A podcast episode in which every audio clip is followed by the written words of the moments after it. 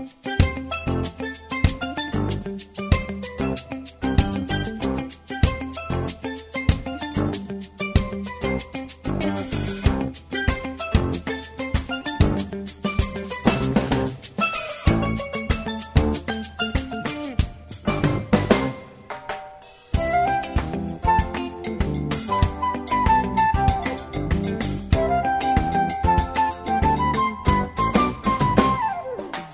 velkommen til sendingsna av Bildtjelong, og i morgen fer vi at høyra om diakoni.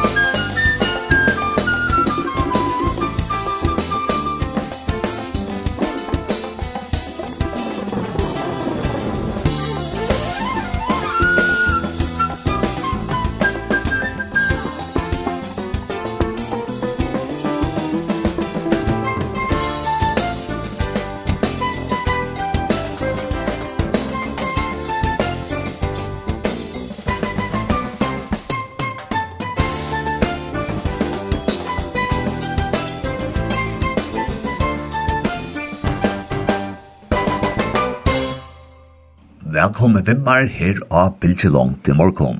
Jeg vil ned du hever en god morgen, og kanskje sitte til nå vi har noen kaffekoppe, eller noen temåne, og lurer etter meg. Hette er Johannes Miskær. Og derfor er vi da høyre om diakoni. Til så løs er at kristelig arbeid, det vil ofte bytte opp i det antallet, som er pratikaåret og at synsjåret, og så diakonina, det er det sosiale og det kristne arbeidet. Og jeg har vært jo vidtja av Diakon Høyskolen i Aarhus, og jeg har et intervju vi en føring, Maria Pedersen ur Foklafyrre, og så har vi også et intervju vi forstanderen Jakob Eiermann. Men Arjen vi færre til intervjuet vi Marie, så får vi til høyre Magna Kristiansen, og og leie som han forresten ikke for jeg kom til øyter, her glavor er ferrest.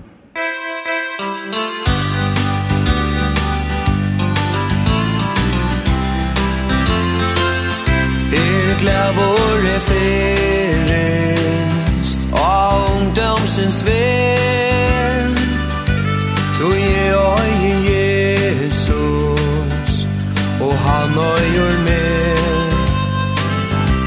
Ja, Jesus, ni elskar Se sjolvan han gav Og synd moina søkte Och i djupasta hell Ja, glävor i fyrrest Vi Jesus er her Han är vår nåd og sannløyken er Versteina fyrsarst du Til ungdomsens du Og kom du til Jesus. Kom kattle nu lor Her klævor er fyrrest Mot himmelsens strån Og angen med Sarans hånd Tam hånden som sart vær Og nøysen er ber. Til stegen som Jesus Til røyar mer gjer. Om porsche a perlon Jeg stod jeg så jag är sonno Han leite mig vel Er sjålen er setor Er krono ska få. Og fylgjast vi Jesus. Er gud gud og mar Er sjålen er setor Er krono skal få Og fylt vi Jesus Et godt gøtt om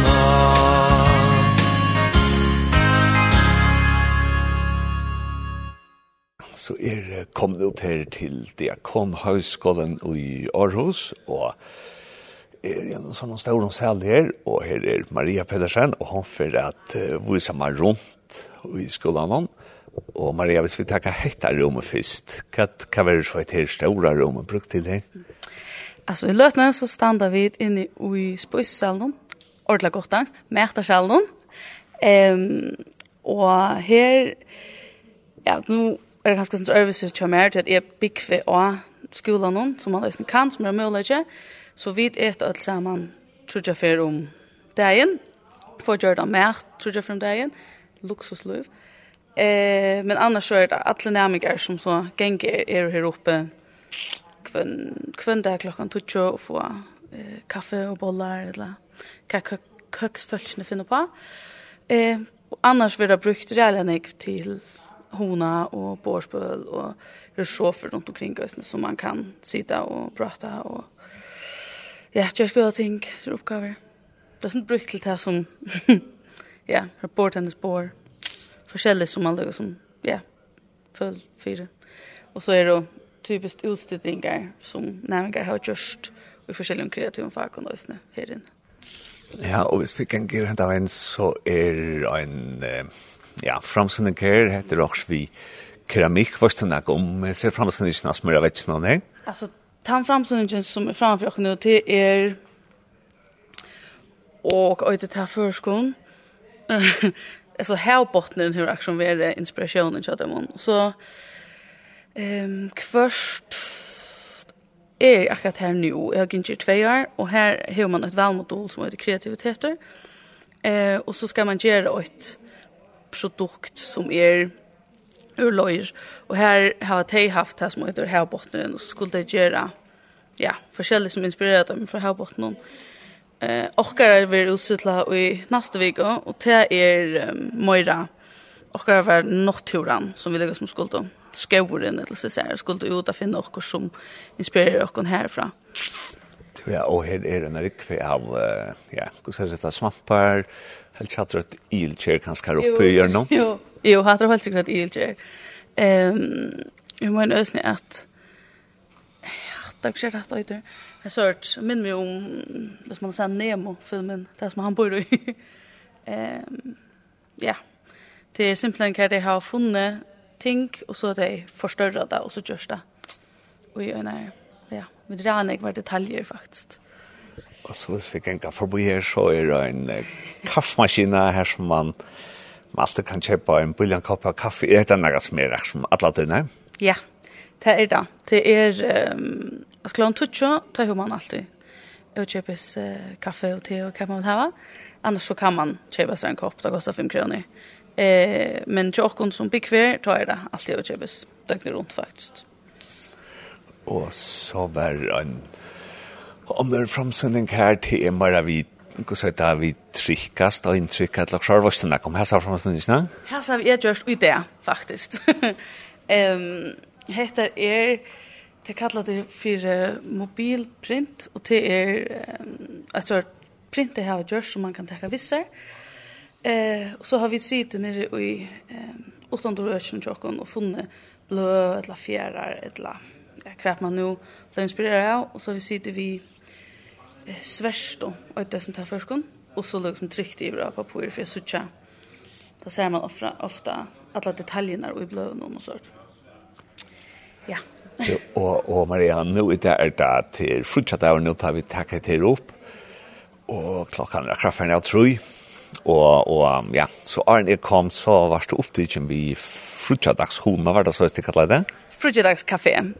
Um, det er et tiltak som vi kører når kaféer i jøkken året, halte øyter, ja, en, en av formanen kanskje, og kroret. Akkurat nå eh, kallar det det för oppstartskafé, og til tog at vi sørste vi går bryr i et nytt semester. Eh, och nytt närmgar och så brukar man akkurat här för att närmgarna kommer att lära från annan på kryss och tvärs av eh, argänk någon. Eh, ja. Til oss så er vi av vi og Tom, men her er så tver, vi er alle vi når nekker spøl, nå sitter det ofte og spiller sånne brettspøl. Mm Ja, det gör vi faktiskt ofta. Eh, vi tar øyne til som det kallar för eh, Eh, så det är just så att vi tar det här ösen typiskt för det er. Ehm men vi som lukar som är og här døgnet runt brukar det reella nek från kvällarna at när vi tar ett så spelar vi ett anker borspel. Till och nu det en, en professionsbachelor uppbyggning. Är det så att, at tid som genka av hesten her skolan noen tid er øtlen og klonta og i samme alder, ganske fra 22 opp til 34, et lærte østene faktisk mer eldre enn det. Og det er jævlig bra utspennende. Um, altså, i min flott så halde i alt er 22, eh, som faktisk er nok så høyt. Eh, men her har vi, altså den yngste jokken, hun er 20, og den eldste er 3,5 trus halde jeg. Så det spenner det av ut. Ehm men det små att det ger någon mån ta i man ska så ser och hur man alltså det är heter man vill eller så säga så ger det inte faktiskt. Ehm ta mest man är skoldan att det såna här. Eh men att ta som big fair är allt i är allt ja till typiskt från 20 till 35 och kanske. Ja. Ja, och så för jag vet att de här då här är öliga gott väder där här är Sol, og heter det nok så åpe plass, vi, ja, hva er her, har en bor og en stor grill og bencher og forskjellshark, hva, hva fire gangs her ute? Hette er faktisk nytt, hette ble gjørst, og fjør eller fyrre det.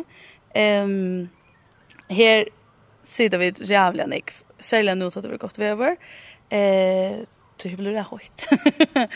um, men annars så er det som, det spiller nok så ofte basketball, det har vi døsne her på henne.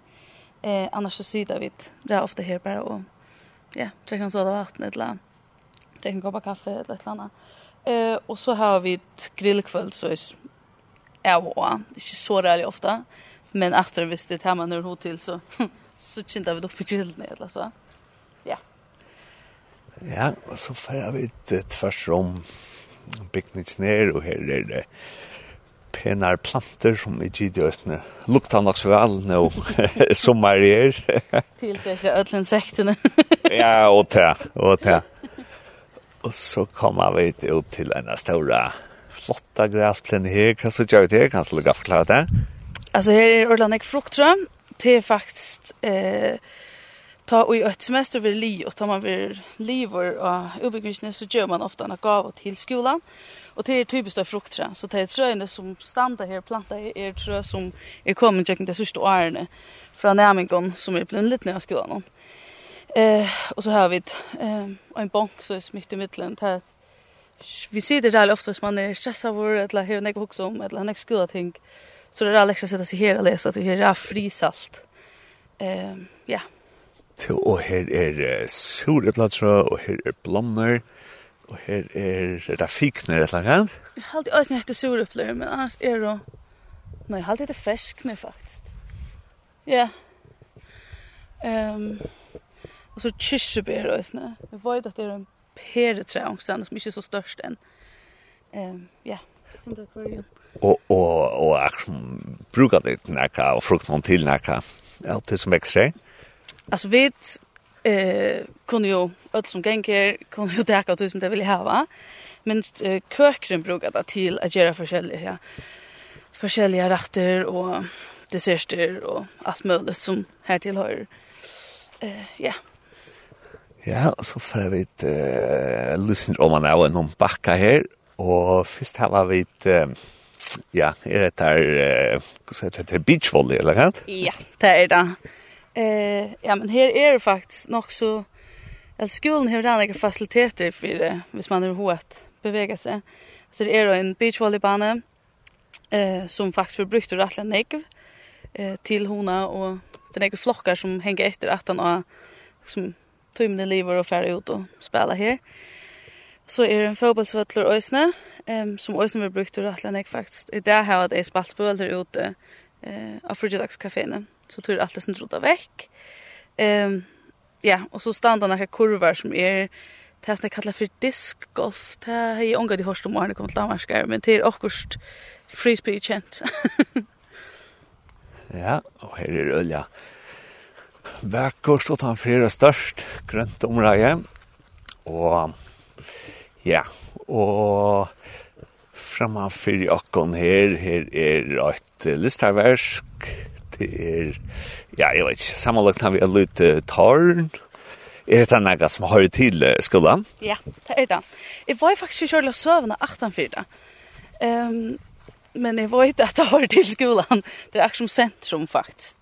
Hvis man sier vi skal møtes midt av græsplanen, så er det her. Um, ja. Og, og så er, ja, så sier man det til dansk en dammer, sier man det? Det en sø. en sø, ja, og øl av akkurs, her er det trø, og fuklar, helt at det er heirar, kjent det der? Ja, det er det. Ja. Og så er det en litt til, hva ser det til, her er en sånn, ja, en bonker som man kan... En svingbonker. Svingbonker, ja. ja, altså etter øysens, det her er rannig loiv ui, sånn, dammen noen, eller, hylen hon, vet ikke hva man kallar det. Eh, Vi har brukt den ikke nå, og i tvi som jeg har haft, har vi haft nok snakk om naturoterapi, altså til at man sitter i naturen og observerer og oppleva det hon om det. Eh, og ta har vi sider Janik her, til at man ser Janik som man ikke legger mest til da man bare för boi. Um, ja, med et landa fugler som jeg ångat jeg ser når kommer till. til. Um, ja, og så er just bei balstaver og bal uh, hytta til det som har vært her faktisk med ut så at man kan gjøre ball og annet tydelykt. Ja, og så færre vi i vår møtrende bygninge, som ser ut til å være nok sånn ikke helt og etter tilbygd til den gamle bygningen. Altså, dette er en parstru av det, altså, nå er det noe til som, eh, ja, det som er tatt på meterskjellen her oppe, som vi stod og vi flåbals, nei, hva heter basketballsbanen, Det kom sørst der. Hette her er tøyre nødkjære og bygninger, men tøyre er faktisk nok skamler etter håndene. Um, men kjørla nær derfra, men tøyre er gusjer øyne, men tøyre tøyre var gamle. Men for anker sykstret, så jeg det passer ikke, men her er løy. Uh, ja, og her er det seg når vi kommer inn i skolan, ja. og her er så et uh, flakshål som er rettelig størst. Ja, altså holden er faktisk nok så stor. Um, Min flokker er og vid Ehm Um, ja, og man hever aksjon floksundervisning og hever oppmøte, altså møteplikt og dette her først Um, og så aksjon, ja, ser man allan sin flokk. Det var faktisk en årsøk til at det helt hette var en, en døylig skole gjenga og tog man møter oss som man leser samma vi, tror att att er og er, eller så. Eh, ja. Det er en olja pen stova, altså, men vi utsikten her er utsikten til det vi tok til i, i Arjen. Ja, det er faktisk just nok snakk på ur at man hever utsikt her som man sitter ut i noen. Eh, ja, tror jeg at det kan skapa ro for nok snakk folk. Og er det her som plassen at det er mest populære ved de store vinduene? ja. ja, så får vi det jo datter og i kunstene, og her er det Her er det flere sårene flokshøler, og her er det bøylet av ekran som er gitt i at jeg leser det jeg har gjort. Og nå kommer vi til å ha skjønt det stått litt om deg her. Kan, kan du fortelle om hva dette er for om deg? Hette er det som de, eh, eller som vi brukar som en sort, ja, typiskt som man har bölkarboj, eller, ja, jag vet eh, hur hon sitter att man skulle ha tog och prata eller just skulle tänka också short. Här är då sofer och här är en sån jag kallar man det om man har en madrass och en vinduskarm. Ehm um, ja. Det är så att som förr så man kan sitta som ute och genom det ja. Ja, så är uppe i luften och ett borfotbollsbår. Ehm ja, och här är faktiskt en skärm och vi inte sitter och gör biograf här nere och så haft ja hon har kväll här nere om kvällen här. Det är inte som tog vi i äktskola, men tar man gånger så myndan är kvar om jag sa någon äktskola eller ha-skola. Ja, jag har faktiskt inte varit äktskola, eh, men det var faktiskt inte det jag drömde om. Det heter ha-skola, miljöet, det man eh, alltså kan vara samman på kryss och tvärs av semestron och att till lugga mycket om två års han som akkurat fått in ett han som är nästan lever eller så. Ehm och där är det faktiskt brukt Eh, jag har faktiskt mentan är mer än i hej hejrockna vi och det är ordlorda dåligt. Ehm um, Særlig hvis man kommer till Danmark, som är gjort ett ønsamøtl, och ska flytta in. hvis jeg sitter ønsamøtlen och på mitt inn i Aarhus, så vant jeg helt liksom min, min trivnar har vi Ørvis, til at her har man aksjon, en hela familj och attan för sig. la säga. særa. Um, ja, och liksom selv mentan og stenen er rabbi heilige vi være ui, eh tror jag folk är då gå på en annan och det är det är pedagoger så det är aktion ska se man nästan träna är till att gå på en annan. Eh så det är en väldigt dålig stämning och stan och nästan Ja, og så er vi kommet langer inn, og jeg ser nyere i hattene som påkrammer, det er kanskje en tjallarhatt, utan at det egentlig er en tjallarhatt, som man sier i Danmark, kan man for ondt gjøre, nya satt kan man ska säga och heter det störst höll heter Oxdown och värsta ja. Ja, det är det värsta jag tror och Ehm um, kan vi ha alltså kreativ fachna. Eh och typiskt vis vi ha ett ehm um, en examen och en runt eller protokol så vill jag det ofta ha också kreativt inslag. Eh och så är det ofta här nere man finner där man ska bruka och ger och forskjellige sånne ting. Med annars så stendur, eh, her stendur sånn plata vi her mala gullegris og en, eh, hva heter det her, My Little Pony og sånt, ah, eh, kan man så klippa til, skår i ansiktet i ur, til med annars et, et prosjekt som holdt som er tar framan for meg, hur gjørst, eh, så hørte det da vi ut til en familie der som ble helt ut i øyne, eh, ja, en stående for det, eh, en varmestue, hvis jeg det, en herberge eller sånt. Ja. Ja. Um, ja, kan det så finke og liksom nabikvannar vi og liksom rundt og informere om steg og sånt. Eh, så det er ofta, ja, nek forskjellige sånne prosjekter som man gjør ute i, ja, til årlig verden.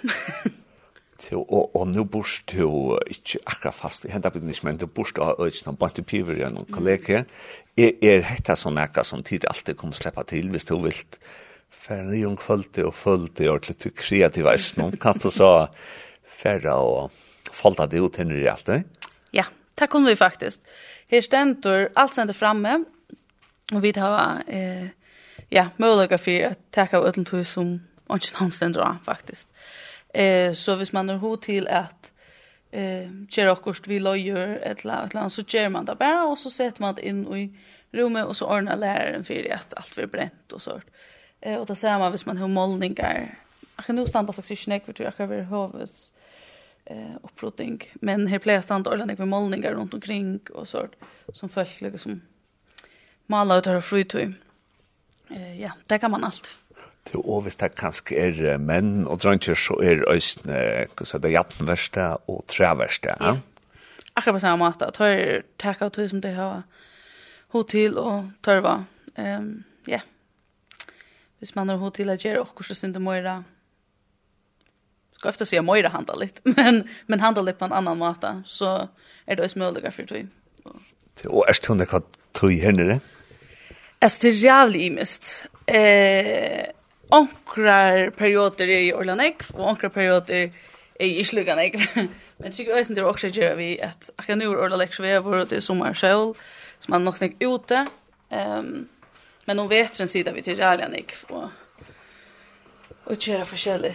Og er det nekka særlig som to tekst vi maler det, og et eller løyer, et eller smøyer, et eller bare sin det utlån?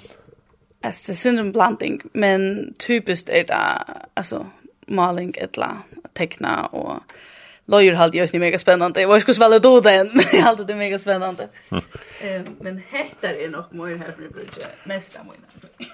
Ja, och nu kommer vi in i ett öliga väl jo i så där lokala hette så ett musiklokale. Ja. Hette här är tonlagrummet. Ehm Det är under uppgradering, så det kommer allt möjligt nytt innanför det nästa halvåret. Um, men det är allt som man har bruk för faktiskt till att kunna utfolda sig eh, musikalskt.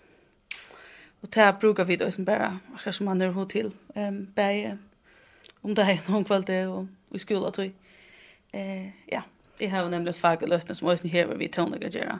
Och då har vi sidan i kväll inne och görs förskilliga ja, rytmer och sånt och och och spel to på näka instrument. Mm. Jag spelar klassiskt.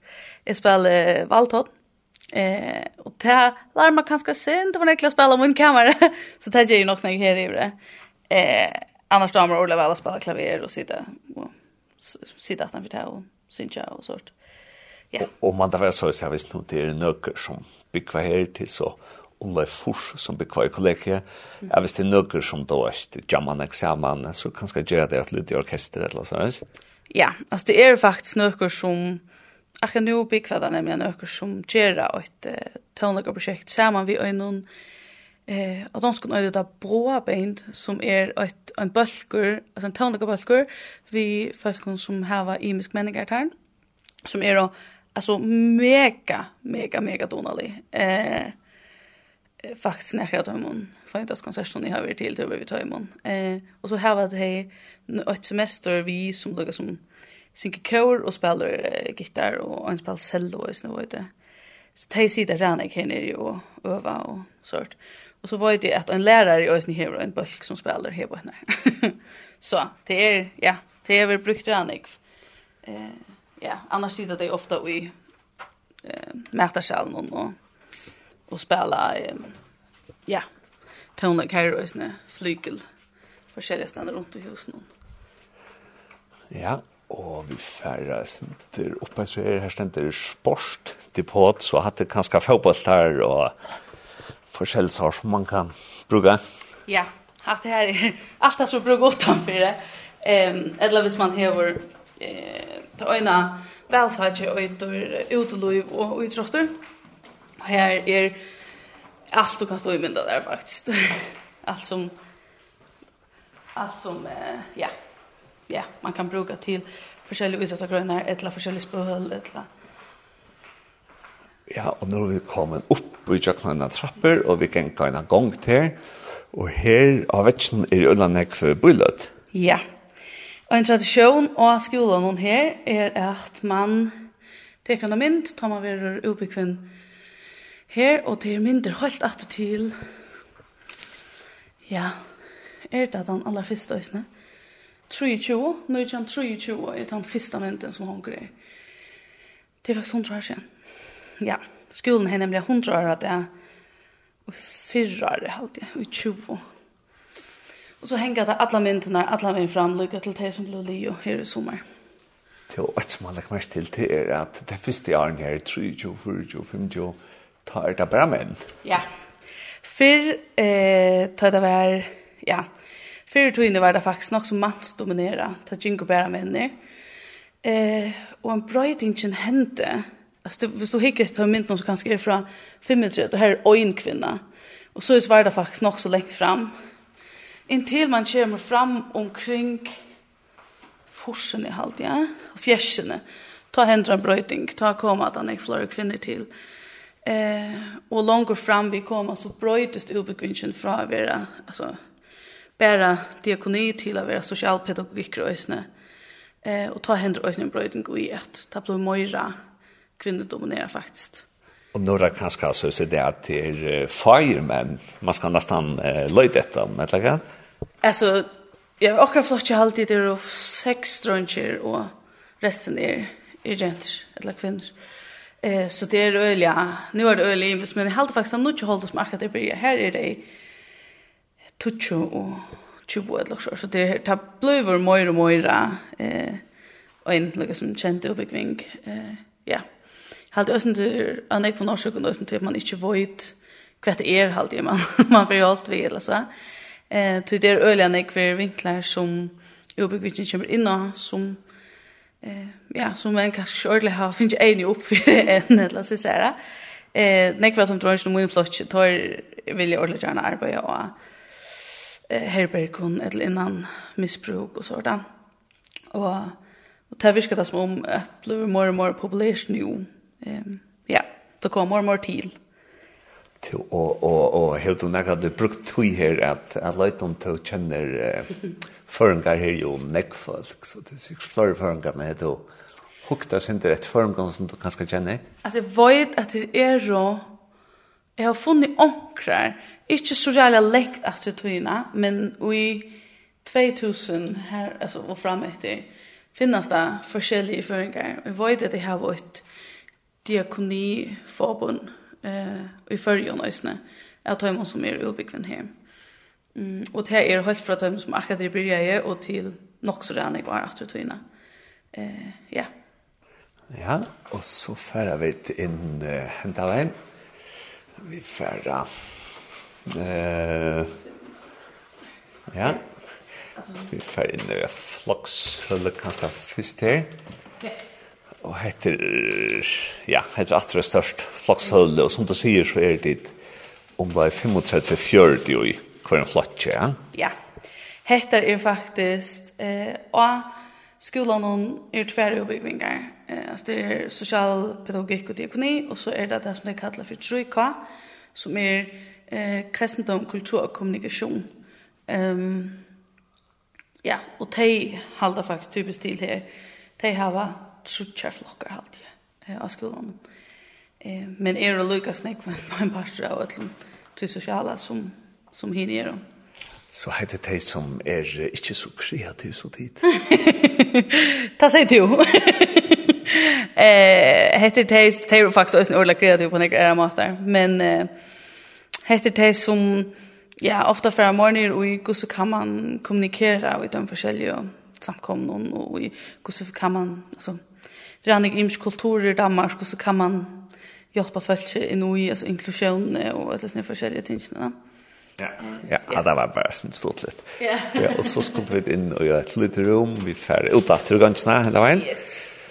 Og så switcher vi atter, og det var kurst omkvarve som er rundt an om i skolan. Og så færre vi inn og jeg pikket litt høl her. Ja. Og her, ja, hette er det sart balkarom, et eller annet? Ja, det er det. Her ikke hører jeg litt litt kyrsta. Um, her er det sart, hvis nå vi har balkarboy, eller man skal sitte sin 18 og skuddet vi, så gjør vi ofte balkoppgaver sart her inne. Uh, ja, faktisk. ja. Så det er nekker... Det er nekker krokar og... Ja. sofer og bor man kan sitta seg i. Ja, og halde det som kanskje definerar sjølv skola økjen også, nek, er at altså, lærerne hava, var kontorer i mitten alla skolastående rundt omkring. Eh, og det var ikke å si nok snik om sjølv skolan, at de er jo ræliga, hvis man nekv inn i mitten nærmengene her, og at skolen er lydig, det genga 200 nærmengar, eh, i mån til at inni av via genga det en 6000 eller så. Eh, och jag hade det med damer då väl vi sjön skulle någon till folk är då. Man är själva bara ett nummer, att känna det vi namnet vi vidare så få. Och lärarna brukar neka tog på av er action. Av er visst är fritidagskafé och hygga och liksom röjna ja, vi är runt om och kunna ösna så vi ösnen lärde känna ut i vår undervisning. Eh, ta damer rejält väl. Så det som du sier, Maria, er at, at flakshøyder er rundt alle stedene, og så er kontorene til læreren om inn i midtelen til at det er spjøt rundt om alle skolen. Ja, så det er ikke bare en gang til det halda til. Eh, men at man bevisst til valgt det, så at det er noe som du er mer flatta inn i, at man ser det i gønnsene, og ikke bare til timer, eller så. Det Ekkulig og spennende. Mm -hmm. Og så færer vi ut og i... Uh, Ja, vi fer ut og jakka som hva det til inngangshøtla, og så vidt faktisk kom rundt, og her er så, ja, sofer og et biljardbord og så hardt. Ja, her er, altså det her er liksom høysinngangen, og her man, ja, faktisk alt kom inn om morgenen, eh, og rundt av skolen, og alt som ganger er faktisk nok snakka sofer til bølgarbøy, til ja, dricker kaffe eller det gör den jag på sjura till hon alltså så man faktiskt kan sitta och arbeta runt omkring hvis man har hållt det eller ja, hur hon uppgåva eh man ska lösa. Det var ja, og nå er vi så kommer rundt, vi rundt hørnen, og jeg halte vi forenta hese avdeling vi at jeg bør velja tvær sanger, så kanskje hvis vi takka en sang nå, hvis du bare hever en sang som du kanskje har valgt, og, og du kan si ja kvito har valgt hans sangen. ja. Ehm ja, jeg har valgt en sang som heter You Say, Children Tickle, kjent han. Eh, tui ert Vi sørst vi går, han tar vi vidt nirri, og hva som det kallar for spår og su, som er en et herberg for ja, stoffmisbrukare og alkoholkare og sånt.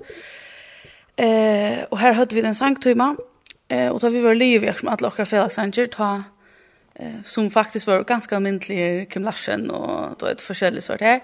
Eh var det en människa som yngste Tansanchen.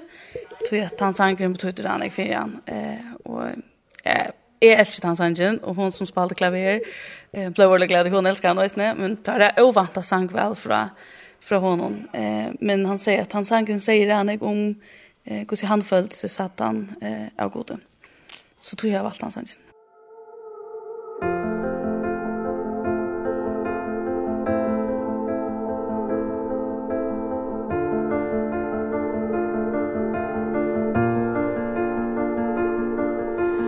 I keep fighting voices in my mind that say I'm not enough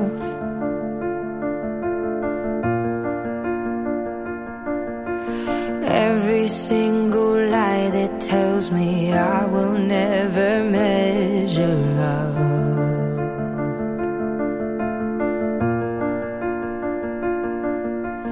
Am I more than just the sum of every high and every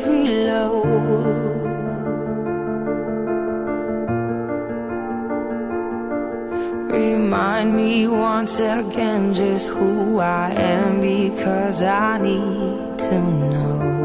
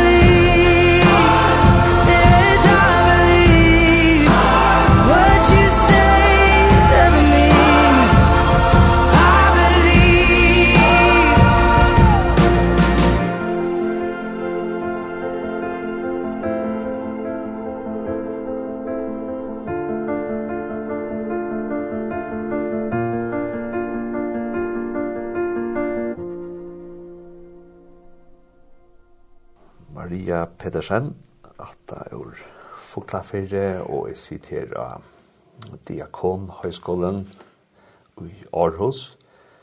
Og Maria, hva er det gongen du i hans profesjonsbachelor på Jeg er det akkurat bryr på meg tre år. Det er sånn så hyggelig å si faktisk. Det kan ikke det kjøtt. Ja, jeg er akkurat bryr på meg tre år. Og til å si at du er kommet akkurat i helta, du tar teker tre og et halvt år? Ja. Ja. Alltså jag har hållit andra rätt. Ja. Det Jag vill i två år. Och, och, och heter en uppbyggning här till ja, bæði blöver tas man kan samma lukta vi en pedagog eller sosialpedagog pedagog och diakoner. Mm -hmm. eh, är, är det några særlig linja som du har som har valt det? ehm um, jeg tror at det är en, alltså en socialpedagogisk liksom, utbygging duktig och kund från början va? Så är man specialiserad från början av.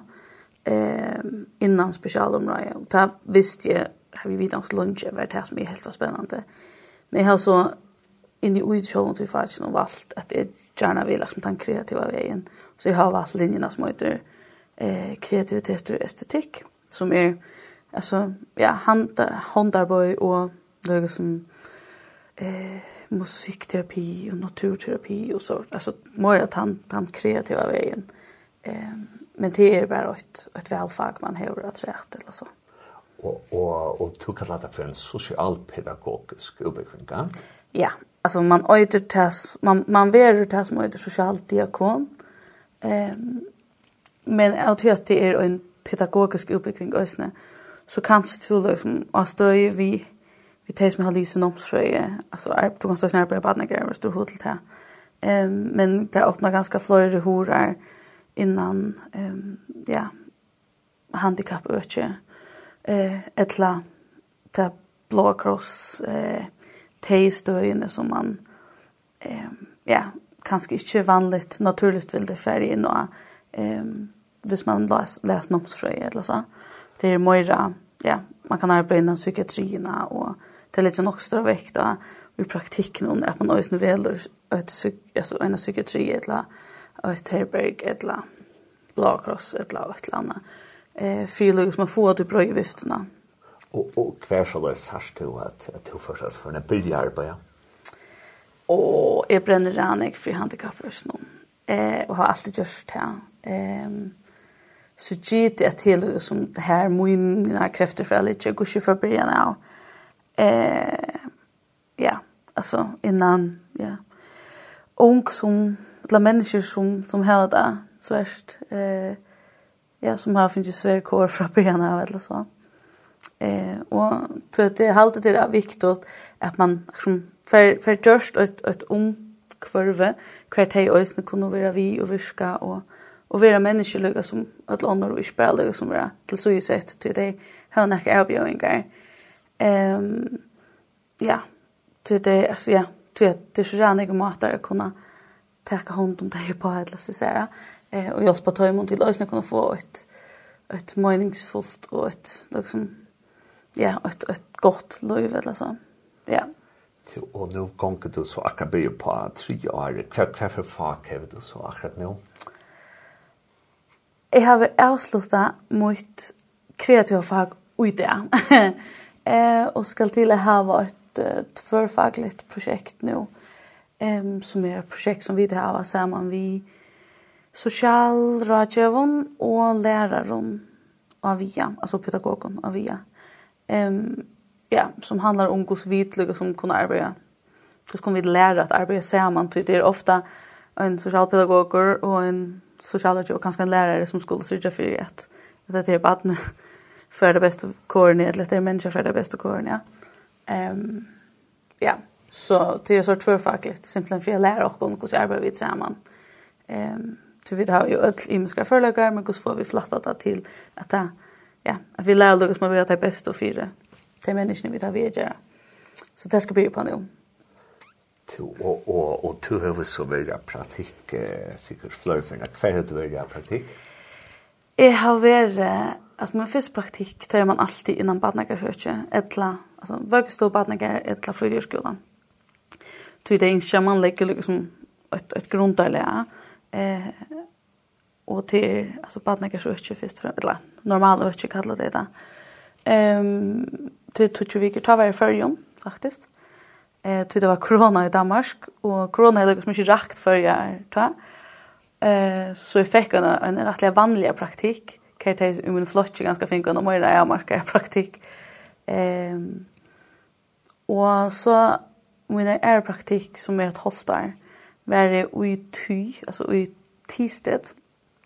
Eh flott i här upp och bo i här hostar. Eh och här var jag en någon stone som är en sån ja man kallar det för sån arbets Det var som en stående av versta hver vi finko ung inn som høyde særlig avbjøringar ehm soinment etla ADHD var nek ehm etla omsorgarna svitchen som så lukkar som kom inn og så hjelpte vi dem lukkar som vi finna torra hill og lov la lasse se.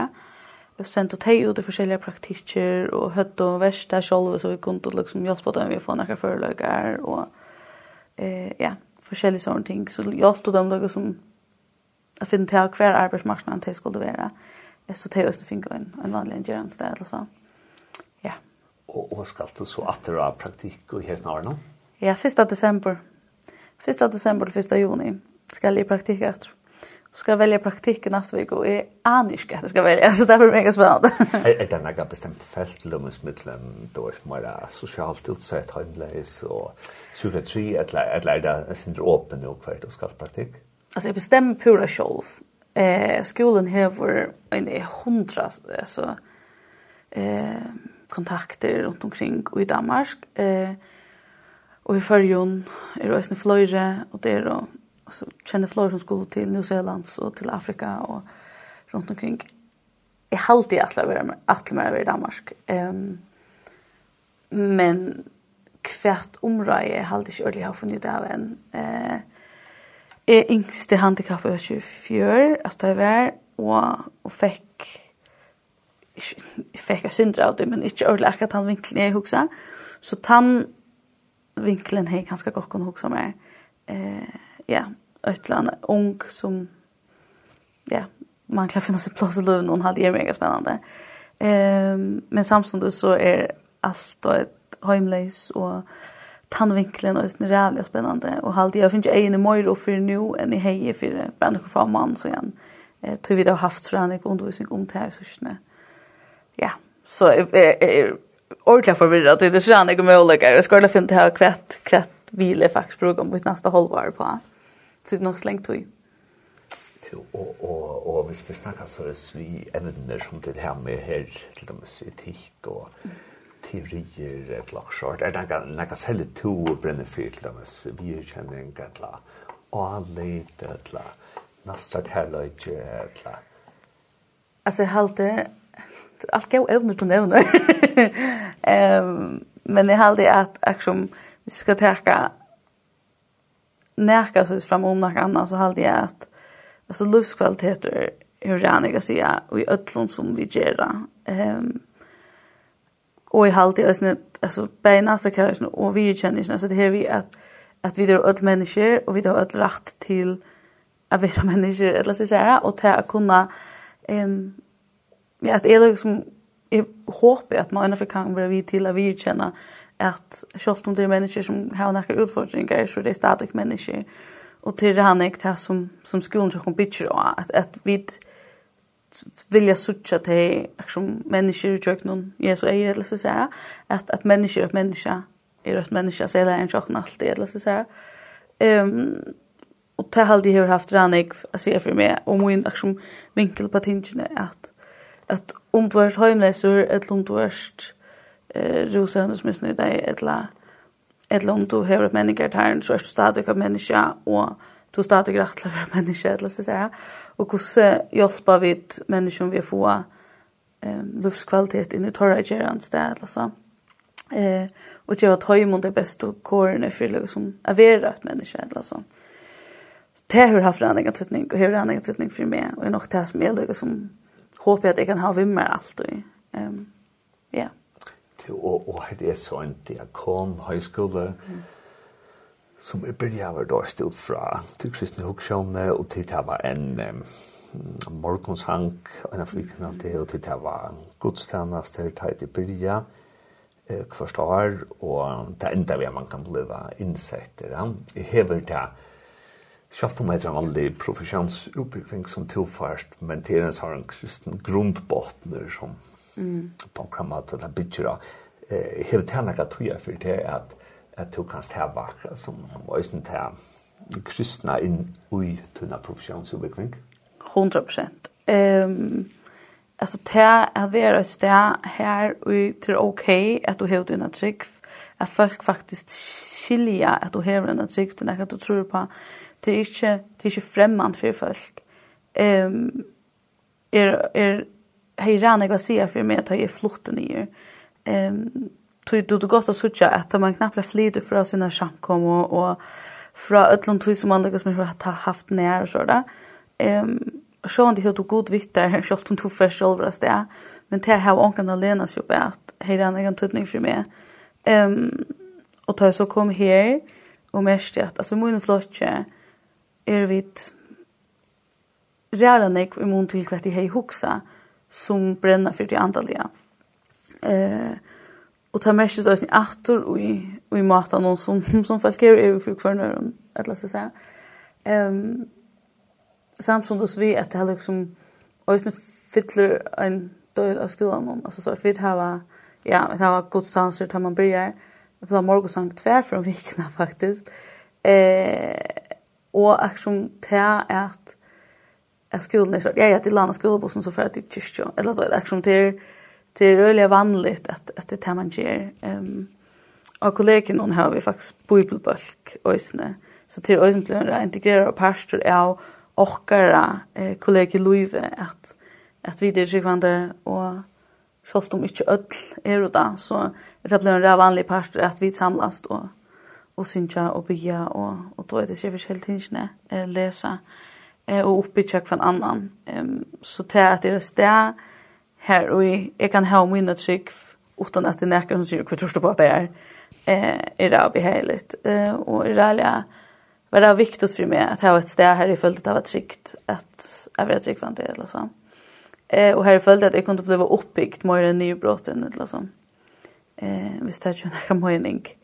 Ehm ja, så det har haft reala nega sia og imot til mot vel av utbyggving eh, at det var ting eh, her. Og det synes jeg vi får gjøre Maria til at jeg har blitt valgt eh, en sangkalsrett og um, ja, som vi får kvar fra nå og tog hans bare fortelle at han sannsyn hvor du er ja, hva du har valgt og så er det hvor du har valgt just han sannsyn. Ja, Jeg har valgt en sang som heter uh, The Power of Your Name.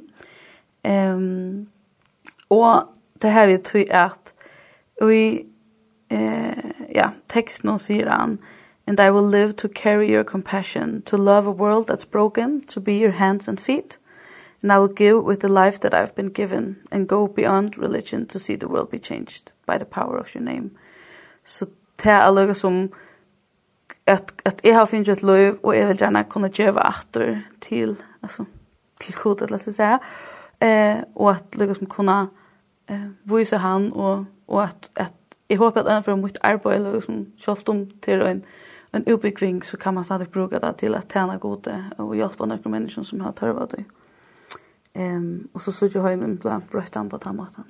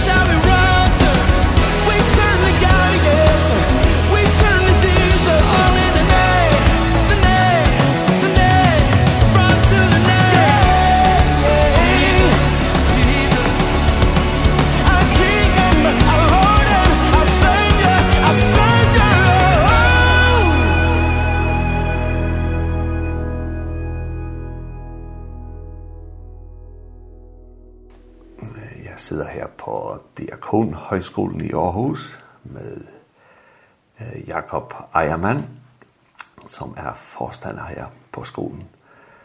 Og øh, ja, vi starter lidt, Jakob, med en diakonhøjskole. Hvad er ligesom det for noget? Der ligger jo to ting. Der ligger i diakonien, og så ligger der højskolen. Og diakonien er jo menneskets tjenen, Gud og tjenen næsten, som man har haft lige fra kirkens begyndelse at kirken altid har haft nogen, der, der tjente Gud og næsten med den specielle opgave, det nu var. Og så ligger der ordet højskole. Øh, det er fordi, at skolen, det er skolen, har været en højskole på et tidspunkt. Det vil sige et sted, hvor man, hvor man boede og levede sammen. Så man ligesom levede både diakonien, men også det mellemmenneskelige møde. Så der har både diakonien, men også tradition om at, at være en højskole, hvor man mødtes og diskuterede livssyn og boede sammen, og det med, at man skulle bo sammen og få livet til at fungere sammen på godt og ondt, og det med at være uenig sammen, at uenigheden også kunne mødes. Så på den måde var det en diakoni, men også et skoleform, hvor man gik op og ned af hinanden, boede sammen, spiste sammen, studerede sammen. Og det er sådan, der er jo ordet sammensat en diakon højskole. Og er der stadigvæk øh, boliger, hvor studerende kan bo? Ja, vi har 250 øh, socialdiakoner, som vi kalder det. Det er en professionsbachelor i diakoni og socialpædagogik. Og ud af dem, der bor cirka 80 på vores kollegie i dag. Øh, I gamle dage var der ikke eksamener og test på samme måde, men det er det, fordi vi er en officiel uddannelse, så, skal man, så er der også eksamener og så videre. Øh, øh. Men, men 80 af dem bor her og har deres liv her, spiser her og hjælper med rengøring øh, og har deres fritidsliv her, her nu, ja. Og, og sådan historisk, hvornår skolen startet, og hvad er ligesom historien op til i dag. Nu siger du, at i dag, så, så uddanner I professionsbachelorer. Men... Ja. Så skolen er oprettet i 1920 af Indre Mission i Danmark, til blandt andet til at lave plejer til det, der hed Stefans hjemme, som er et, øh, var et plejehjem i Aarhus, så uddannede man plejer dertil. Og det voksede lige så langsomt. Der blev brug for flere plejer til plejehjem og, og, og sociale funktioner i kirken og forskellige kirkelige organisationer. Øh, så voksede det derudfra, man begyndte at uddanne diakoner. Øh, og op i 1900-tallet er der mange diakonale organisationer i Danmark. Blå Kors, Kirkens Korsager, KFM Sjælarbejde, KFK Sjælarbejde osv. Så uddannede man diakoner dertil. Så det er noget, det er noget der vokser. Øh, begyndte i 1920, og øh, i 70'erne begynder det at i hvert fald småt, man bor nede i byen, og så begynder man at kigge sig omkring efter et større sted øh, over. Finder sig det her i det, der engang var udkanten af Aarhuset, Højbjerg, øh, sådan op ad bakken øh, i Aarhus, øh, og bygger den bygning dag, det hedder Diakonerskolen i 1975. Men man har hele tiden uddannet diakoner i skiftende tider efter skiftende behov. Så man uddannet plejer og uddanner også plejeuddannelse til, til plejehjem, men undervejs skifter man også til at uddanne pædagoger, socialpædagoger, som arbejder inden for specialområdet. Så det er den udvikling, man har, har været igennem, og, og, og man siger, velfærdssamfundet kræver flere hænder og så videre, og undervejs uddanner man også flere og flere. Så det har været sådan en, en løbende udvikling øh, undervejs. Og på et tidspunkt var det en, en højskole. Der var mange højskoler rundt i Danmark, der uddannede til sygeplejersker, til smede og så videre og så videre. Og en af dem var så uddannet til, til diakoner. Så vi har en 100 års historie med rødder oprindeligt fra intermission og det kirkelige, og det ændrer sig lidt af vejen, men intermission er stadigvæk en del med højskolen at gøre, men nu er der også folk fra kirkens korsherre og Blå Kors øh, og andre organisationer med i bestyrelsen. Så den rødder i diakonien i kirken, og det, øh, og det har vi, det har vi fortsat.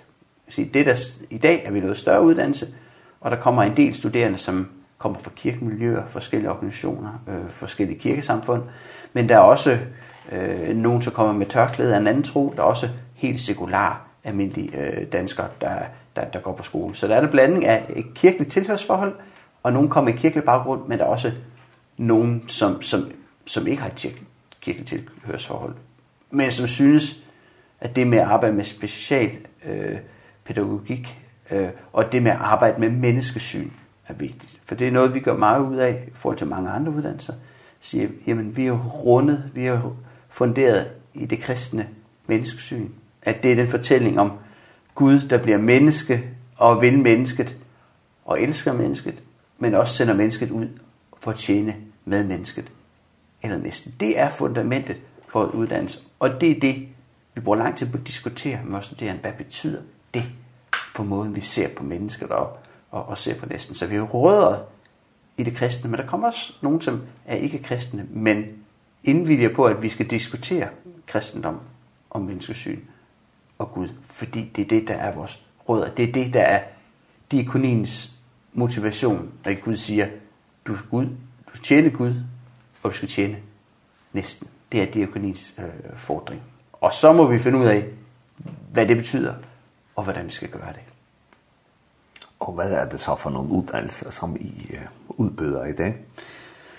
Vi udbyder den uddannelse, der hedder en professionsbachelor i diakoni og social øh, pædagogik. Så det er det, vi kalder diakoni. Det er en øh, socialpædagogik. og det vil sige, det er øh, til det, vi kalder specialområde. Det kan være herberg, øh, kirkens korsager, øh, øh, arbejder nogen med misbrug eller børn eller unge eller voksne med en funktionsnedsættelse, eller mange af dem arbejder med nogen i nogle udsatte positioner øh, på den ene eller anden måde. Så er der også nogen, der arbejder i, øh, i børn, almindelige børnehaver, og nogen kommer også til at arbejde i kirker osv., men vores fokus er på at uddanne til dem, arbejde med dem, der lever i, sådan, i udkanten af samfundet, de som er udsatte, hvad enten man er ensom eller funktionsnedsat, eller, eller har misbrug, eller og så videre og så videre.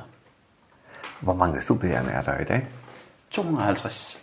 Så der er 40, der starter op hver, hvert semester, hvert halvår. Så vi er 250 alt, alt i alt. Og underviser? Der er vi 12, inklusiv forstander og viceforstander. Vi underviser også, ja. Og, og I er altså en del af professionshøjskolen, der hedder VIA. Er, har I forskning også? Ja, vi har også noget, noget forskning øh, og har en udviklingsarbejde lige nu to af de temaer, vi har meget fokus på, det er religions- og kulturmøde. Man kan sige, vi oplever også i Danmark, der kommer andre folk med andre religioner og kulturer. Vi sige lige nu, flygtning fra Ukraine.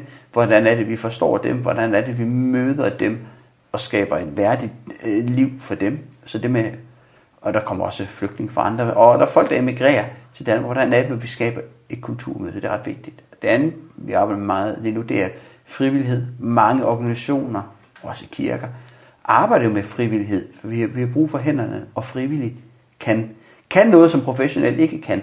Øh, og, og det med at lede og guide og, og styrke dem er ret vigtigt. Så, så diakoner skal også eje det her arbejde med frivillighed. Så det er sådan lige hvor to af vores områder. Og, og der, ellers er det jo løbende forskning i, i diakoni, øh, menneskesyn og så videre. Og, og vi har udgivet også bøger sammen med, med, med, med nogle af de mennesker, der er omkring huset. Ja og, og du siger, at du underviser lidt selv, så hvilken uddannelse har du, og hvad underviser du så i? Jeg er uddannet teolog for Aarhus Universitet, og så har jeg også en, en, et diplom i journalistik. Og så, så underviser jeg i etik og menneskesyn og diakoni. Og det er jo, hvad, hvad, er, hvad er diakoni sådan historisk? Og hvad betyder et kristen menneskesyn? Hvor kommer det fra, når vi siger, at Alle mennesker er skabt, alle mennesker har en værdi, alle mennesker er elsket, og hvad betyder det? Så jeg har sådan til teologien, øh, de bibelske fag, dogmatikken, kirkehistorien, og, og oversat til det. Og så underviser jeg også i, i sjælesorg. Jeg er også ordineret præst, så, så, så på den måde, så har jeg også det med i, i, i, i rygsækken. Og så, så det er mange de teologiske og etik og menneskesynsfag, ja. Og synes du det er spændende? Ja, jeg synes, det er meget spændende. Jeg har været på en almindelig folkehøjskole i 10 år, og jeg er glad for at komme tilbage til teologien. Jeg synes, det er spændende, og, og også diskutere med, med de studerende. Nogle af troende kommer med, med, med, med kirkeligt tilhørsforhold, andre har ikke noget forhold til kirke og tro, så det med at diskutere, jamen, hvad betyder det kristne menneskesyn, og, og, og hvorfor, er, hvorfor er det vigtigt? Ikke, at vi skal gøre os bedre, men sige, hvorfor er det faktisk vigtigt, at et hver menneske er skabt, et hver menneske er unikt, et hver menneske har en værdighed. Og det, der opstår nogle gode diskussioner ud af det, så det, det synes jeg er, er meget spændende, og vi har meget gode, engagerede studerende.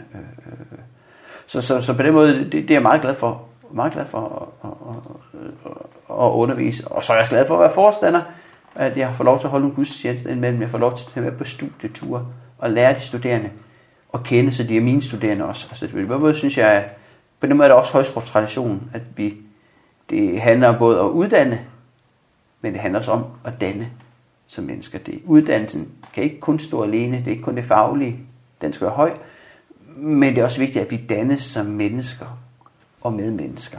At lære at få empati og forstå og, og vil sige, øge opmærksomheden på at, at se hinanden. Øh, så, det, det er jo, så jeg er glad for både underviserrollen, men også, også forstanderrollen. Og, og nu siger du, at nogle gange holder du gudstjenester. Har I også andagter eller nogen sådan nogle kristelige? Ja, der er, hvad hedder det, vi, af hvert semester har vi en studiestartsgudstjeneste, så er der også en adventsgudstjeneste, hvor alle tager med til. Og så om øh, tirsdag og torsdag er der nogle morgensang, øh, som er minder om en andagt, der er en sang og, og, og, og en bøn. Og, og det, det er frivilligt at gå med til. Der kommer nogen, og, og, og nogen siger, det er ikke noget for mig. Så, så, så det er der også. Og så er det jo klart, men ansat en teolog og ikke bare en teolog, men også en præst, så der er også en markering af, at det, det, det her skolen står, det har, det har sit ståsted.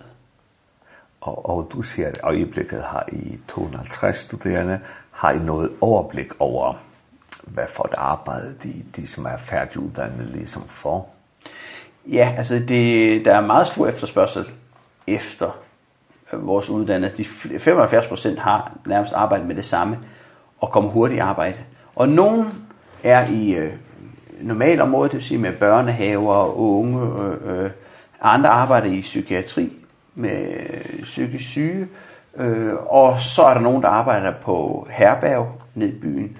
Misbrug, øh, øh, hjem for udviklingshemmede, funktionsnedsatte og Så, så det er meget bredt spektre, de arbejder indenfor. Øh, ja.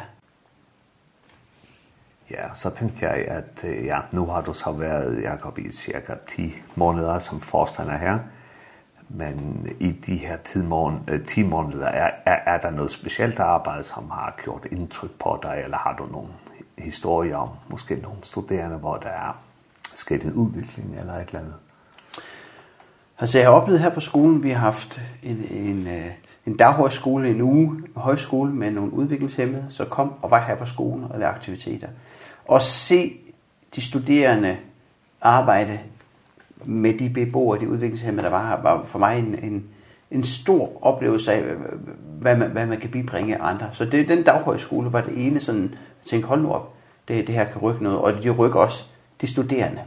Det andet er, at vi har haft et stort hold, øh, et helt semester på Sølund Festival, som er en festival, hvor der kommer 6-7.000 øh, mennesker med en funktionsnedsættelse, handicap i den ene eller anden måde, og de lavede gudstjeneste, de lavede kor, de lavede aktiviteter, og at se de studerende, hvordan de bøvlede og knoklede, og det var svært, men faktisk fik det til at hænge sammen, og blev meget høje sådan ting efter, og tænkte, det her giver faktisk god mening, og få afprøvet tingene. Øh, det, det var for mig at sige, hold nu op, det, øh, de har lært meget, og de lærer meget undervejs. Det er så nogle, nogle highlights øh, for mig, undervejs. Øh, øh, og jeg har ikke besøgt så mange af praktikstederne endnu, men jeg kan høre studerende, at alt det, de har lært, når de så ud i praktikken, så er der en refleksion over, hvad, hvad det er, de oplever, hvad, hvad, det, hvad, hvad det kan ved dem. Og det, det, er, det er tydeligt, at de vokser utrolig meget på uddannelsen. Det kan jeg også se, når de træder ind, så, øh, så er det jo ligesom en blomst, de folder sig lige så langsomt ud. Og, og det, man ser fra begyndelsen af,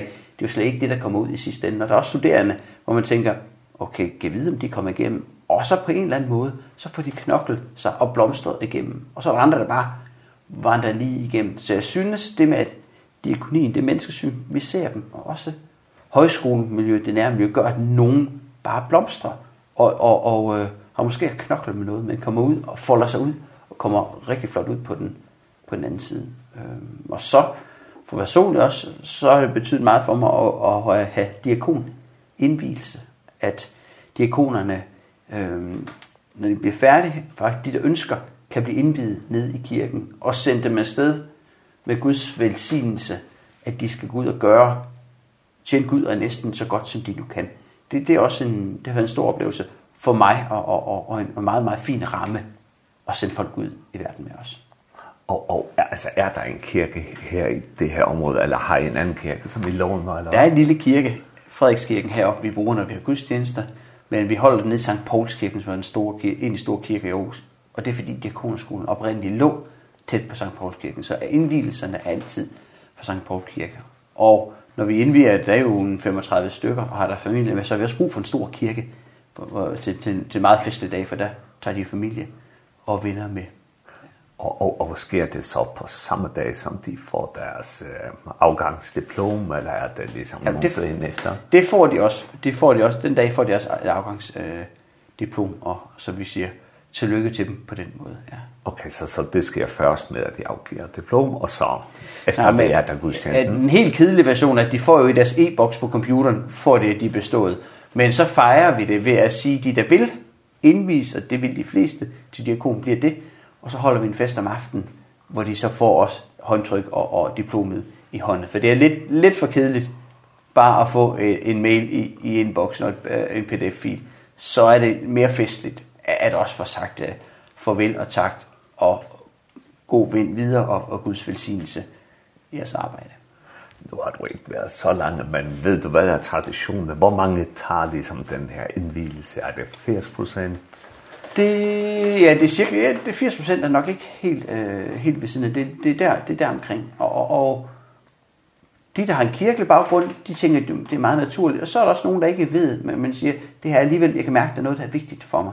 Og de, de så, så så bliver det også indviet, men det er en 80 75% har det været indtil videre, ja. Og øh, ja, og nu har jeg altså også et interview med Maria Pedersen, ja. som kommer fra øh, Færøerne har I mange studerende fra Færøerne, og, og er der noget andet, måske med Færøerne, som den her skole har forbindelse til? Ja, vi har. Jeg kan ved ikke helt præcis, hvor mange der er. Et par stykker på hvert semester. Så, så lige nu, også nogle, der bor, jeg tror, der er en fire stykker, der bor på kollegiet. Det ved Maria langt mere om. Nogle gange opdager jeg ikke, at de er fra Færøerne, før der er nogen, der siger det. Så, Nå, okay. Så, så der er en del studerende fra Færøerne, og, og, og de kender også nogen, der være. Så der er en historie med, vi har en del studerende, vi har også praktiksteder på Færøerne, øh, så man undervejs i sit 3,5 års studie faktisk kom hjem og bo og i praktik. Og så, og så har vi lige oprettet et diakonforbund, og diakonforbund er tidligere diakoner, som ligesom har en forening for at mødes og diskutere diakoni, og der har vi lige oprettet det her i, i foråret. Det var lige online under corona, men vi oprettede et forbund i, på Færøerne. Så på den måde fik der flere diakoner derop så forsøger vi øh, øh, at holde fast i det. Det det er kun forbundet dertil. Så der er, nogle, der er mange fine links til færden, og det, det håber jeg også, vi, vi, vi kan fortsætte med i, i, i fremtiden. Og ja, så jeg kommer til at snakke med Maria om, om ligesom hendes perspektiv fra studerende, så, så hvis jeg liksom spørger dig som, som leder, hvad, hvad liksom er vigtigt for dig som som leder for den her skole har du nogle bestemte principper, eller ledestjerner har jeg skrevet i med papir til dig. for mig er det vigtigt, det med uddannelse og dannelse. At man skal have en uddannelse, man skal have en faglighed, så man kan, så man kan se, hvad der sker. Man kan analysere, hvad der, er, der sker, og så der også handle. Og det, det kræver nogle færdigheder om at øh, nogle pædagogiske færdigheder, noget viden, noget erfaring. Altså, uddannelsen er vigtig for at skulle hjælpe mennesker. Samtidig så er dannelsen også vigtig. Du skal også dannes og udvikles som menneske og som medmenneske. At, at man skal lære at tænke selv, men man skal også øh, hvad hedder det, have tanke for den anden. Altså det dannelse med, at jeg bliver menneske, men jeg bliver også medmenneske. At vi, jeg bliver jeg, men vi bliver et vi. Så det er meget vigtigt for mig, at man har det faglige uddannelse, men man har også det dannelsesaspekt, hvor vi øver os på at være mennesker, og vi begår fejl, vi samler hinanden op. Så det er meget vigtigt, at man har dannet uddannelse, men også dannelsesaspektet. Så, så, så noget af det, jeg siger meget til denne generation unge, som øh, tænker meget i præstation, er jeg god nok, det, det er jo Det er fra det kristne sige, men altså mennesker der er elsket fra begyndelsen af. Man er altid allerede elsket. At det er udgangspunktet. Og så ved vi godt, allerede i begyndelsen af Bibelen kan vi se, at mennesket fejler. Mennesket rammer ved siden af. Og det er på det kristne menneskesyn realistisk menneskesyn. Vi forsøger, og så falder vi. Og så skal vi hjælpe hinanden op. Så det er meget vigtigt for at sige, at, at nogle gange det er menneskeligt at fejle. Og hvis man aldrig nogensinde laver fejl, så har man nok ikke våget noget. Og vi, når de bliver sat ud i verden og skal finde ud af, hvordan løser vi den her udfordring, den her sociale udfordring, hvordan hjælper jeg det menneske, så skal de bruge deres kreativitet og fantasi. Og når man gør det, så laver man nogle gange fejl, og så må man prøve igen. Så hvis vi skal udvikle diakoni og samfund, ja, så skal man også have modet til at fejle. Så, så det gør jeg meget ud at sige, Vi skal have mod til også at fejle og afprøve ting, hvis vi skal tjene næsten. Vi kan ikke bare slå op i manualen og sige, så skal jeg gøre det og det og det. Nej, man skal, øh, som barmhjertet samaritaner, altså Jesus siger, gå ud og gør lige så. Men du er nødt til at finde ud af, hvad er det lige så? For det er forskelligt fra situation situation. Så, så, så hvis vi skal sådan opsummere, så er det uddannelse, faglighed og dannelse. Og under dannelse også sige, det er vigtigt at ture også nogle gange at lave nogle fejl. Og det gør jeg også som leder og som forstander. Jeg gør mit bedste, og nogle gange, så træder jeg nogen over tæerne. Nogle gange gør jeg noget forkert, og så må man sige, undskyld. Det, det er meget vigtigt at, at kunne være ydmyg. Jeg tror, det vigtigste lidelsesord for mig er, er, er ordenhed og også en ydmyghed. At sådan en skole kan kun fungere, hvis, hvis vi hjælper hinanden. Og hvis man er ydmyg, og hvis man også nogle gange tør at sige, I har ret, jeg tog fejl, undskyld, eller sige tak. Så jeg vil sige ydmyghed, ordentlighed, ydmyghed, og så også kunne og turde sige tak. Fordi det her er ikke bygget af mig, det er bygget af, af et vi. Øh, Jacob Jern, så har jeg to bonusemner, som ja. jeg skal spørge om. Ja. Så det første, det er, at du siger, at du underviser lidt i etik, og du er jo uddannet teolog. Og jeg sidder og tænker her, at når man ser Danmark lidt udefra, mm. som jeg gør fra færgerne, mm. så har Danmark lidt udmærket sig med, med nogle store etiske tænkere og eksistentielle tænkere. Hvis vi tager Kierkegaard, vi tager Grundtvig, vi tager Løstrup. Tror du, de her store danske etiske tænkere ligesom spiller lidt ind i den måde, som I forstår diakoni på her på den her skole? Ja, jeg tror det ligger det ligger det ligger i, i den i den danske tradition, man sige. Grundtvig ligger i højskole traditionen tanken om et folket og et, og et vi øh, og Kierkegaards tanke om eksistens og det med at vælge betyder sådan noget. Og ikke mindst Løstrups tanke om tilliden, de her øh, suveræne livsyrkninger, barmhjertighed, talens åbenhed og ikke mindst tillid det er noget, vi bruger rigtig meget. Vi bruger meget løstrup i vores undervisning. Og, og, og kommer man til Danmark med andre steder fra, så kan man sige, at der er en høj grad af tillid. Og det er det, Løstrup også undersøger. Der er en høj grad af tillid. Og det er det, der ligesom også binder vores, øh, vores, øh, vores samfund sammen. Så det er klart, at vi er inspireret af de store danske tænkere, men også inspireret af, jeg er også inspireret af Dietrich Bonhoeffer, tyske tænkere, og Desmond Tutu. Øh, øh, for kristendommen er jo ikke en dansk opfindelse. Øh, der er jo mange andre, der tænker øh, i menneskesyn og diakoni rundt om i verden også. Så vi er inspireret af de danske tænker, men lige så meget af Desmond Tutu, øh, Dietrich Bonhoeffer og, og andre, som, øh, som tænker stort, men nok specielt nogle af de, som sådan, tænker aktivistisk også, at mennesker, mennesker skal også, de skal også handle Og det næste spørgsmål, det er igen, når man ser det lidt ud fra, fra færøerne, og nu kigger jeg måske lidt til England, mm. hvor jeg selv har boet, så er det tit sådan, at, at i England, og i en vis grad på færøerne lidt mere i Danmark, så er det er konisk arbejde ligesom tit outsourcet helt til de kirkelige miljøer eller til selvstændig NGO'er, hvor, hvor det i Danmark er lidt for tættere bundet, forbundet til det offentlige system. Mm. Om det ikke er offentligt, så er det i hvert fald på offentlige overenskomster mm. og sådan noget. Øh, hvad, hvad, øh, ja, hvad, hvad, hvad ser du af måske forskel, eller hvordan vil du karakterisere den her tradition i Danmark med, at man har så meget diakonisk arbejde, som er lidt mere statsligt gjort end, end for eksempel i England?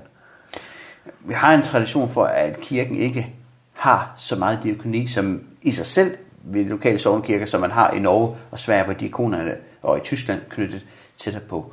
Og så historisk set har staten jo, af mange de kaldte velfærds- eller diakonale opgaver, har, har de jo har de jo taget ind til sig, hvor man i Tyskland, der er der mange kirkelige organisationer, der står for sygehusvæsenet, plejehjem og, og, og, og så videre. Øh, øh, øh. Og jeg synes, at i Danmark har, har lykkes øh, godt med det, på på den måde. Men men, men det er også vigtigt at der er nogle kirkelige organisationer, NGO'er, plejehjem, som viser man også skal gøre det på på en på en anden på en anden måde, øh, fordi menneskesynet betyder noget. Og velfærdsstaten har jo ikke noget menneskesyn som så, men, men, men det har de, de kommunale organisationer. Der, der betyder noget af mennesker, der hvad, har en værdi i sig selv, og mennesker, der er skabt, og mennesker, der er unik. Og det, det betyder simpelthen noget i det, det syn, man har på. Så vi har forskellige traditioner på, på mange måder, og, og, og man sige, den danske kirke er heller ikke så aktivistisk, som den svenske øh, kirke er, fordi at, at stat og kirke er knyttet til det samme, og staten har mange af de velfærdsopgaver, som, som diakonale organisationer tager sig af andre steder. Øhm. Ja, og, og, og nu snakker du så om, om velfærdsstatens ligesom tjenester, ikke? som, som øhm, historisk ligesom tit er vokset fra for eksempel interkommissionen, hvis vi tager ja, ja, ja. det sociale arbejde i København, ikke? Ja, med alle institutioner for socialt udsatte og egentlig mødre ja. og fattige folk, specielt måske på ja. settlementet på Vesterbro, ikke? Ja. Der, der var det faktisk en intermission, der, der, ja, ja, meget. Der, der startede alt, og så, så blev det så overtaget af, ja. af kommunen og staten, ikke? Ja. Og, og, og hvordan ser du måske fremtiden med... Øh, med altså det det det offentlige velfærdssystem så tror at vi kommer til at se at det bevæger sig måske lidt over til til kirkelige institutioner igen.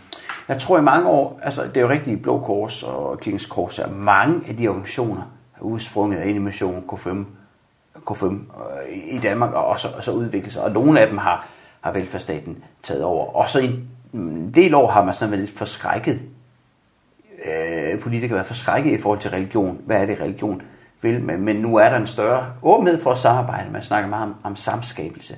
Man kan godt se, at de organisationer, der er rundet af noget kirkeligt, de kan noget andet. Øh, så der er sådan en ikke så berøringsangst på samme måde i dag for, for, for at samarbejde. Så, så jeg tror, øh, jeg ved, at de kirkeorganisationer er kommet for at blive, øh, og nogle steder vil velfærdsstaten tage mere over, andre steder tror jeg også, at de kirkelige organisationer kan vise, at vi faktisk kan noget andet. Øh, og, og det ligger jo også i det kristne, man sige, altid gå derud, hvor ingen andre er. Og det er ikke altid sikkert velfærdsstaten, men, men det er vi faktisk forpligtet på. Og det kræver jo hele tiden at have blik for, hvor er det? Hvor er det de nye udsatte? Hvor er det, der er brug for hænder rundt omkring? Og det kræver en, en kreativitet, en innovation og et blik for det. For eksempel, at ensomhed vokser.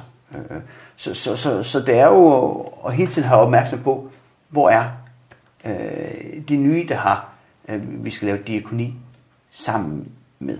Øh, så, så jeg tror, at der er, mere, der er en respekt for de kirkelige organisationer, øh, øh, men, men der er også mange år, hvor, hvor staten helst ikke vil røre ved, ved, ved kirken. Men, men, men det er heller ikke helt forbi. Der er også nogle politikere, der tænker, kirke, religion, så vil vi ikke røre ved det. Men, men, men på kommunalplan er der mange, der godt, der godt vil samarbejde. Og så ved jeg godt, Jacob, at du er ikke politiker og arbejder ligesom ikke sådan med strukturerne, men, men nu spørger jeg om dit uh, forstanderblik på ja. det her, at, at vi ved jo, at allerede nu og om nogle helt få år, så får vi øh, mange, mange flere ældre, end vi har i dag. Og inden for skoleområdet har vi også mange børn med specielle pædagogiske øh, behov, og, og der er meget, der der tyder på, at vores velfærdsstat ligesom ikke kan kapere alle de her øh, nye opgaver, som man får. Så, så, så tror du, det også kan medvirke til, at, at kirken kommer måske, eller ikke kirken, men, men så nogle øh, kirkelige og diakonale organisationer måske kommer lidt mere ind i, øh, du kaldte det samskabelse ja. med velfærdsstaten, hvis vi kigger sådan 20-30 år frem i tiden. Jeg tror, man bliver mere pragmatisk. Man er nødt til at finde nogle fælles løsninger, og alle, der vil, og alle, der vil tænke med. Så tror jeg jo godt, man også gerne vil have, have, de, have, de, have de kirkelige med. Men det er klart, man skal jo komme med nogle nye, innovative løsninger. Altså, hvis de, de tilbud, man har, ikke er bedre end de andre, så, så, er, det ikke, så er det ikke sikkert, man vælger, øh, vælger det. Øh, og det kommer også an på det politiske, man kan sige. Er det partier, der ikke vil have noget med religion at gøre, eller er det nogen, der tænker også mere åben for, for, for religion? Det, det, det tror jeg simpelthen, det politiske miljø kommer også til at, til at spille ind. Men, men, men jeg tror, alle parter er nødt til at kigge fælles på, på de udfordringer, for der er nogle store udfordringer øh, for os fremadrettet. Det var vist et politikers svar.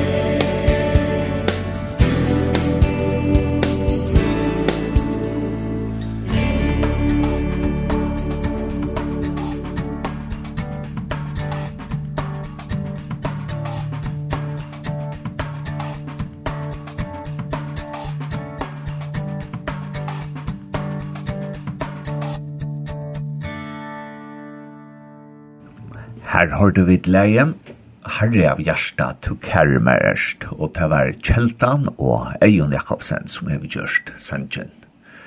Og det var vi hørst om Diakon Høyskolan og i Aarhus, og tog hans finna kunning om han av diakonhøyskolen.dk utan ø. Ja, og annars hentan sendingen homer enda sendt ut kvöld klokka 19.30 og i natt klokka 4 og kommande lærda. Du kan støysne høyra hesar samrøvnar og eisne atlar samrøvnar vi har haft ui, og har bildt langt og Spotify til dømes og til løyta bare etter bildt langt. Og om du downloadar samrøvna og atlar framtøyar samrøver, ja, men så vil du alltid få en notifikasjon ta i en nødt samråd av Abelgelangt kommer av Spotify. Så jeg ønsker der bare en gåan der vi gjør det og gods sikning.